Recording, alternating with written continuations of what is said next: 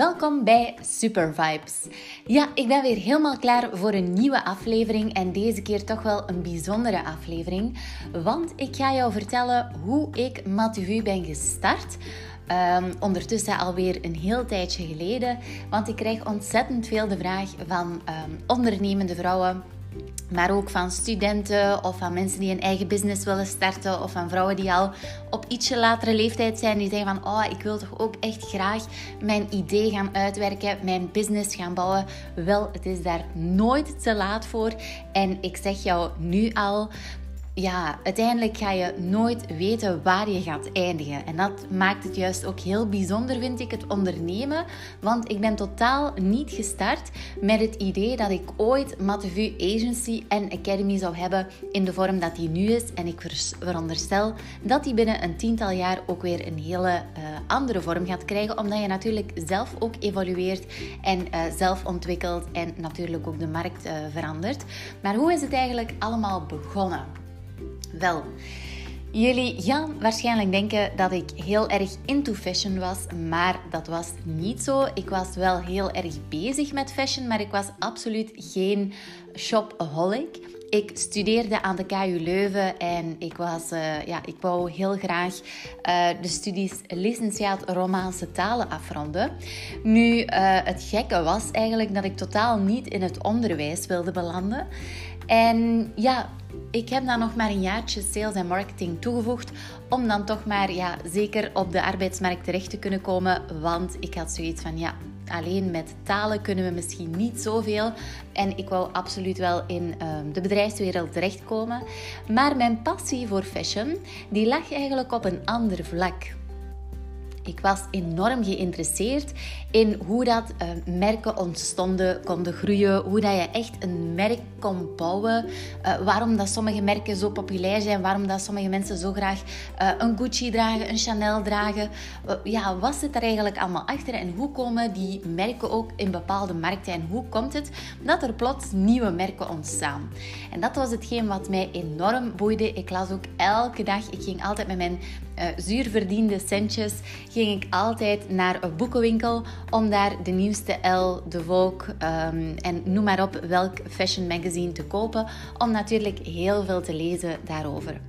Toen ik eenmaal afgestudeerd was, ja, moest ik natuurlijk uh, op zoek gaan naar een job.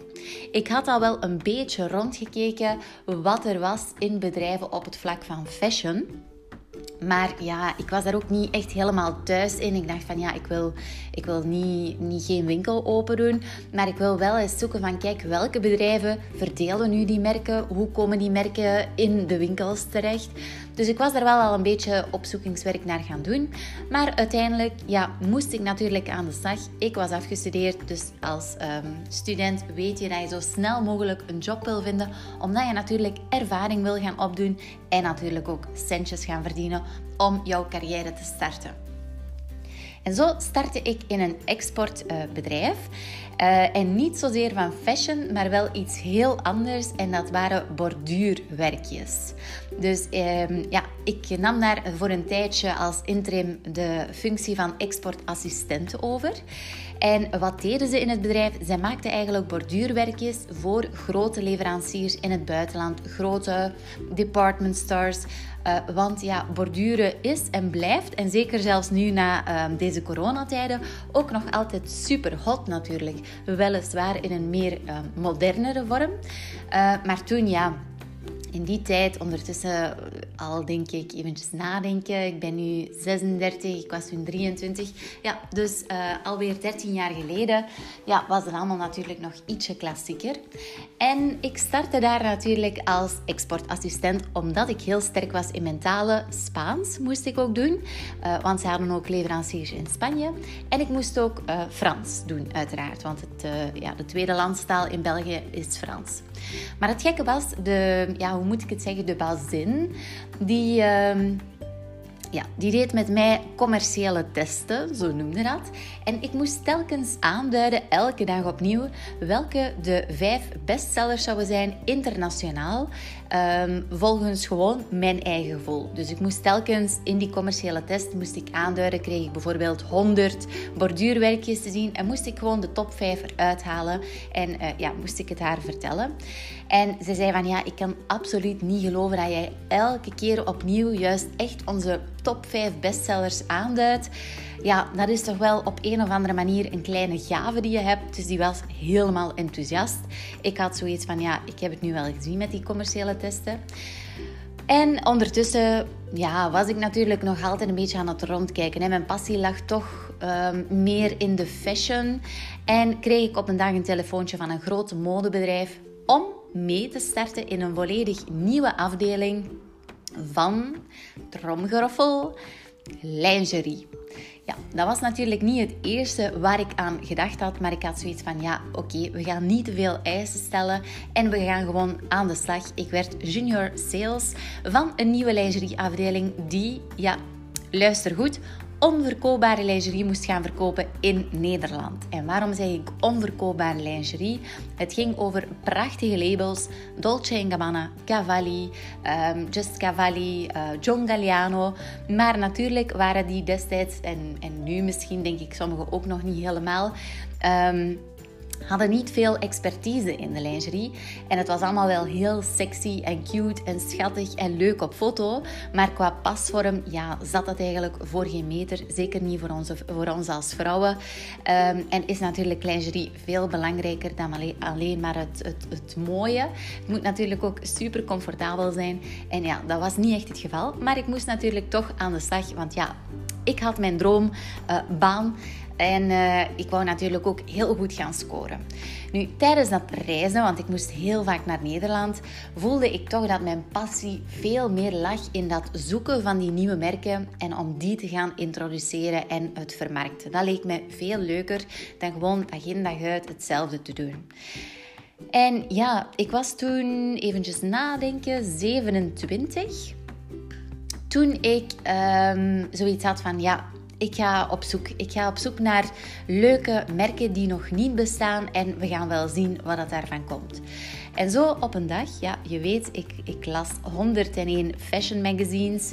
Um, vandaag de dag ook nog steeds, natuurlijk ook wel ietsje meer online natuurlijk. Um, en daar zag ik een prachtige advertentie op een dag in uh, Gracia magazine staan van een Nederlands juwelenmerk. Een juwelenmerk echt ongezien met een heel sterke visual, super sterke marketing. Het sprong er echt uit. Het waren juwelen die ik ook nog niet had gespot in België en het leek me op en top fashion. Dus ja, ik had zoiets van, mm, oké, okay, eventjes opzoeken of dit merk al in België wordt verdeeld. En ja, dit was niet het geval. Dus ik had zoiets, ik ga het bedrijf contacteren. Ik ga op zoek naar de contactgegevens. Ik maak een mini-businessplan voor en ik ga voorstellen of ik mogelijk dit merk kan introduceren in de Belgische markt. En ja, op een dag werd ik dan uitgenodigd op een kantoor in Den Haag en heb ik dus heel mijn pitch gedaan. Ik had totaal ook nog nooit gehoord van een business pitch, maar die had ik gedaan. En uh, ze vertelde me dat ik aan de slag mocht gaan met het juwelenmerk te introduceren in de Belgische markt. Ik was natuurlijk super blij. Hals over kop moest ik natuurlijk mijn vaste baan opzeggen en ik wist niet echt waar ik aan begon. Dat is eigenlijk ook een vraag die ik heel vaak krijg van... Ja, Ilse, hoe bereid je zoiets voor? Of wanneer plan je om, om uh, met je eigen bedrijf te starten? Ja, dat plan je gewoon niet. Je valt er gewoon in bij wijze van spreken. Dus ik had nooit iets van, kijk, ik heb een idee, dat idee bestaat niet op de markt en ik ga daar een businessplan rond maken. Ik ga naar de bank en ik laat uh, een deel financieren en ik ga van start. Nee, dat was bij mij helemaal niet het geval. Ik voelde ergens dat er een passie was, dat ik iets anders moest doen dan wat ik toen deed. Alhoewel dat het een superleuk, dat ik in een superleuk team uh, werkte, een tof bedrijf. Dus dat was allemaal geen issue. Maar ik had zoiets van, kijk, um, er borrelt iets in mij dat ik gewoon moet volgen en dat ik moet luisteren.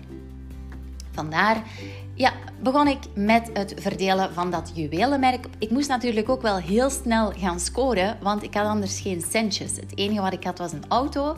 Dus ja, ik moest vooral heel een, een, een strategie gaan bedenken, waardoor ik heel snel kon gaan verkopen.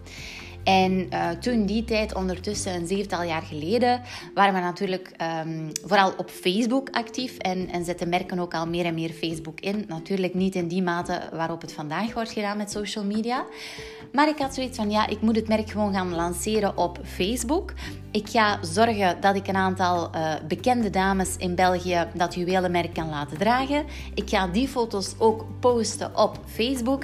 En ik ga natuurlijk mijn eerste mailing uitsturen naar fashionklanten. Uh, een aantal klanten kende ik natuurlijk al... Um, van mijn vaste baan. En ja, ben ik zo gestart eigenlijk met het merk te introduceren. Gelukkig was het net zomer. En uh, je weet, juwelen in zomer scoren veel meer dan in winter.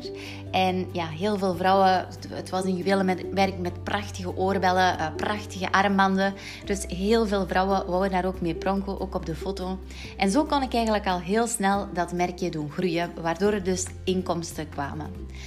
Nu, uiteraard, als het kriebelt, moet je sporten, dat ken je wel. Dus als het kriebelt, moet je weer een nieuw merk toevoegen. En naar uh, gelang ik bezig was met het juwelenmerk, ging ik natuurlijk op zoek naar andere nieuwe merken, die ik ook nog totaal niet in België had gezien, maar die ik wel heel graag wilde introduceren in de Belgische markt. En zo startte ik eigenlijk met een zwarte valies, vol met um, juwelen ten eerste. Het juwelenmerkje Gigi Italia. En natuurlijk ook uh, een, een uh, kledingcollectie. Ik uh, had contact gelegd met een aantal leuke dames, ook in Nederland, die net waren gestart met een tof t-shirt label. Zij hadden drie t-shirts en twee sweaters met heel toffe quotes op. Echt wel vernieuwend voor de markt, vond ik toen. En ja, die dames zeiden van, goh ja Els, het lijkt me wel leuk dat je ons merk wil gaan verdelen in België. Maar ja, wij hebben natuurlijk nog niet zo'n grote collectie, dus vind je dat oké? Ik had zoiets van, Super. Ik ben helemaal pro beginnende merken. Mijn passie is het bouwen van merken. Dus we gaan er samen voor, voor zorgen dat het merk ook groot kan worden. Dat het ook meer inkomsten kan krijgen. En dat we op die manier alle twee kunnen groeien. En ze vonden dat meteen een goed idee. Dus voilà, weer een nieuwe collectie in mijn zwarte valies. Waarin ik van deur tot deur uh, mijn collecties ging verkopen aan retailers, aan juweliers, aan, aan winkels, cadeauwinkels, die juwelen en t-shirts echt wel goed konden verkopen. Uh, nu, wat ik ook altijd bij had onderweg was een uh, roos notitieboekje. En waarom? Ik koos altijd voor de kleur roze. Uh, als jullie Matevu kennen, dan weet je dat wel. Ik hou enorm van dat power pink. en die power pink, ja, daar zit, daar zit iets krachtig in. Het gekke was dat ik vorige week coaching had en we gingen op zoek naar de betekenis van de kleur roze. En de kleur roze staat voor zelfstandigheid en feminisme. En ik had zoiets van, oh jee, dit is echt zo uh, Dat is ook wel ietsje uh, voor mij. Ik ben natuurlijk geen uh, feminist in hart en nieren, want absoluut, er zijn ook achter elke sterke vrouw staat ook een sterke man. Dat is zeker het geval waardoor je geïnspireerd geraakt. Uh, maar ik vind het toch wel enorm fijn om vrouwelijke ondernemers te inspireren, te motiveren, omdat we vaak nog iets te klein denken. En ik, ik voel door jaar in jaar uit, de voorbije jaren, vooral met vrouwelijke ondernemers die dan eigen winkel hadden, um, business te doen, dat ze vaak toch ietsje voorzichtiger zijn of klein denken of ik ga een winkeltje starten of een webshopje starten. En vandaar ook mijn passie dat ik echt wel die, die vrouwelijke ondernemers, waaronder jij hoogstwaarschijnlijk, echt wel heel graag wil motiveren, wil helpen groeien in de, in de business. Dus vandaar die kleur pink. Ja, ik, ik, ik kocht altijd eigenlijk een notitieboekje om het even waar ik was in de kleur roze met mogelijk nog een heel hippe quote op. En daarin schreef ik dus allerlei dingen die ik uh, op de baan tegenkwam, wat mijn klanten aanhaalden van oh Ils, uh, we missen nog dit of we missen nog dat of we hebben nog daaraan nood. En zo wist ik eigenlijk altijd door uh, dagen op de baan te gaan en van deur tot deur te verkopen, wat nu eigenlijk die pijnpunten waren van mijn klanten en waar ze eigenlijk naar op zoek waren. Nu, naar gelang dat de tijd uh, verstreek, werd mijn valiesje natuurlijk veel te klein en moest ik op zoek naar een uh, grotere plek, naar misschien wel een vaste plek. Zo ben ik eerst in een tijdelijke showroom beland, zonder verwarming, want ik had natuurlijk niet veel centjes. Nu, het bleek ook een van de strengste winters te zijn, dus ik was helemaal bevroren. Mijn klanten waren bevroren. Dus ik had zoiets van, oké, we moeten toch op zoek gaan naar een pand met net ietsje meer comfort. En ja, dan moest ik maar gaan onderhandelen over een goede prijs die ik wel kon betalen met de inkomsten die ik toen had. En zo ben ik beland in het pand ehm, waar we ehm, nu net van afscheid hebben genomen, want we gaan verhuizen naar een nieuwe locatie. Maar daar hebben we natuurlijk echt wel ja, Matevu opgebouwd van begin tot nu. Uh, ondertussen zes jaar lang. En uh, op die locatie hebben we dus eigenlijk uh, de klanten kunnen ontvangen, veel meer collecties kunnen voorstellen. Ik denk op een hoogtepunt zaten we wel aan een 15, 16-tal collecties. Maar natuurlijk, ja, Where focus goes, energy flows. En dat was natuurlijk ook het geval in collecties. Dus mijn passie was echt om nieuwe merken te spotten. Maar zoals je weet, in fashion gaat het eigenlijk veel sneller dan in beauty komen en gaan echt trends. Dus wat vandaag super hot is, is bij wijze van spreken overmorgen alweer minder hot. Dus ja, er waren ook heel veel collecties die natuurlijk, um, zeker in gadgets of accessoires, die starten en na één jaar, anderhalf jaar, ja, werden die weer vervangen door nieuwe. Een aantal vaste waarden zijn we wel natuurlijk kunnen um, uh, uitbouwen. En uh, waaronder we vandaag nog een aantal ook verder uitbouwen natuurlijk. Want ik zeg altijd van, kijk, wij uh, verkopen geen collecties, wij bouwen echt merken en daarin ligt ook mijn passie. Nu, naarmate dat de maatschappij verandert, mijn klanten verandert en ik altijd de vragen van mijn klanten in mijn roze notitieboekje noteerde, merkte ik ook dat de markt heel erg aan het veranderen was.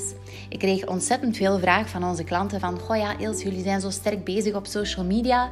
Heb je nog tips voor mij om dat ook uit te werken? Of jullie branding, het plaatje klopt altijd.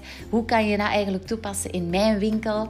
En zo kreeg ik meer en meer vragen. En ik had zoiets van, goh ja, het is zo jammer om alleen maar onze klanten te helpen. Want onze klanten die kochten een bepaald type collecties. Bij ons heel trendy, heel fashion, heel vrouwelijke collecties. Maar er zijn ook ontzettend veel retailers die meer... Um, Deense collecties, meer Franse collecties, een andere stijl hebben, maar die ook wel echt die nood hebben aan ja, wat businessadvies, um, vooral aan hun branding, hun social media, hoe kunnen ze een e-commerce opzetten. En dat waren natuurlijk dingen die ik heel graag wilde delen. En zo ontstond de Academy ondertussen 4,5 jaar geleden met de maandelijkse expertclasses. Uit die maandelijkse expertclasses kwam er natuurlijk ook de vraag om dingen toe te passen, echt specifiek op, op uh, jouw business. En zo ontstonden natuurlijk de één op één coachings, de workshops en de iconic seminars die we vandaag de dag ook um, organiseren. Nu, ja, de Academy was ontstaan en natuurlijk de agency blijft doorlopen. De agency, wij staan hoofdzakelijk voor het bouwen van merken en vrouwelijke ondernemers te helpen met de groei van idee naar business, van business naar een echt brand ook. Want uiteindelijk, ja, iedereen, hoe klein of hoe groot ook, is een merk. Jouw merk straalt bepaalde emoties uit. Mensen associëren jou met bepaalde dingen. En dat is heel belangrijk dat je dat ook verder kan uitbouwen. Waarom? Merken zijn veel sterker op lange termijn. En, en dat is iets wat je absoluut moet onthouden. Ja, natuurlijk van, van uh, de agency en de academy zijn we vandaag de dag ook gegroeid naar een content creation uh, agency. Want ik werk natuurlijk met heel veel vrouwelijke ondernemers die vaak alleen in de zaak staan en die niet altijd de tijd hebben om hun business ook online enorm uit te bouwen. Want het vraagt enorm veel creativiteit, ook vooral veel tijd en inspiratie. En dat is hetgeen uh, wat wij super, super graag doen en waar we vandaag de dag ook heel wat uh, ondernemers en bedrijven in fashion, beauty en lifestyle meehelpen om online natuurlijk dat merk heel sterk te maken. Dus zo is eigenlijk een beetje die evolutie gekomen van waar we vandaag zijn met Matehu en het merk Matehu. Dus ja, totaal niet begonnen met het idee van, oh, ik ga ooit een academy opstarten, een agency, we gaan marketing, we gaan klanten helpen met hun marketing. Maar dat is wel waar toen al mijn passie lag. En het begon met borduurwerkjes. Ja, en het is voorlopig uh, op dit punt waar het nu staat. Ik heb nog enorm veel plannen ook met Mathieu, dus ik hoop die ook um, te kunnen verwezenlijken. Absoluut gaat mijn focus daar naartoe. En um, ja, ik hoop dat je het een inspirerend verhaal vond. Dat ik jou ook mogelijk kan inspireren. Ik weet niet of dat je momenteel een eigen bedrijf hebt en dat je ook wil verder doorgroeien naar een eigen brand. Of dat je zegt van, oh, ik heb een idee, het bruist al jaren met een idee en ik wil nu effectief starten weet dat het ten eerste nooit het juiste moment is om te starten. Uh, waarschijnlijk ga je nu heel veel adviezen horen van mensen die zeggen: ja, nu in deze tijden toch niet starten. Uh, ik moet zeggen dat ik ook ben gestart echt in een, in, in een crisisperiode. Dus uh, dat zal je absoluut niet tegenhouden om iets moois te maken. En vooral, het is heel belangrijk om, om jouw focus te houden en vooral om jouw passie, om jouw intuïtie te gaan volgen. Want daarin ligt bij mij denk ik ook echt ja, het het, um, de secret eigenlijk van, van het ondernemen. Nu, natuurlijk doorheen de jaren niet alles is gegaan um, in een groeiende, stijgende lijn. Want ik vertel jou nu het verhaal hoe Mathieu is gegroeid, maar er zitten enorm veel ook ups en downs tussen. Dingen die zijn fout gelopen, fouten samenwerken met fabrikanten, veel geld verloren, um, heel veel ook zelf aan zelfontwikkeling gedaan, heel veel geïnvesteerd in mezelf, heel veel geleerd, daar ook heel veel geld aan uitgegeven. Um, maar ik denk dat dat absoluut dingen zijn die je moet meemaken en die je moet uh, ervaren om te groeien naar het punt waar jij nu bent. Al die stapjes die ik heb gedaan doorheen de groei van Mathieu, had ik ook effectief nodig om te zijn wie ik vandaag ben als ondernemer. En had ik dat niet meegemaakt, uh, ook die, die momenten dat ik dacht van, oh jee, zou dit nu het einde zijn? Ja, dan zou ik absoluut niet staan waar ik vandaag sta. Dus ergens kijk ik ook wel weer naar uit van welke nieuwe dingen er op mijn pad gaan komen. Het zijn natuurlijk niet altijd positieve dingen, maar ze zorgen er wel voor dat ik er heel veel uit leer. En dat het me brengt naar een volgend niveau dat ik nodig heb op Mathieu ook naar een volgend niveau te brengen. Zo, ik hoop dat je het super inspirerend vond. Ik vind het alvast ook heel fijn om eens een keertje dit verhaal gewoon te delen. Dat je het ook om het even welk moment kan herbeluisteren. En uh, ja, mocht ik je verder kunnen inspireren, kijk ik alvast uit je opnieuw te kunnen inspireren via een nieuwe uh, podcast aflevering. Tot snel! Ciao, ciao!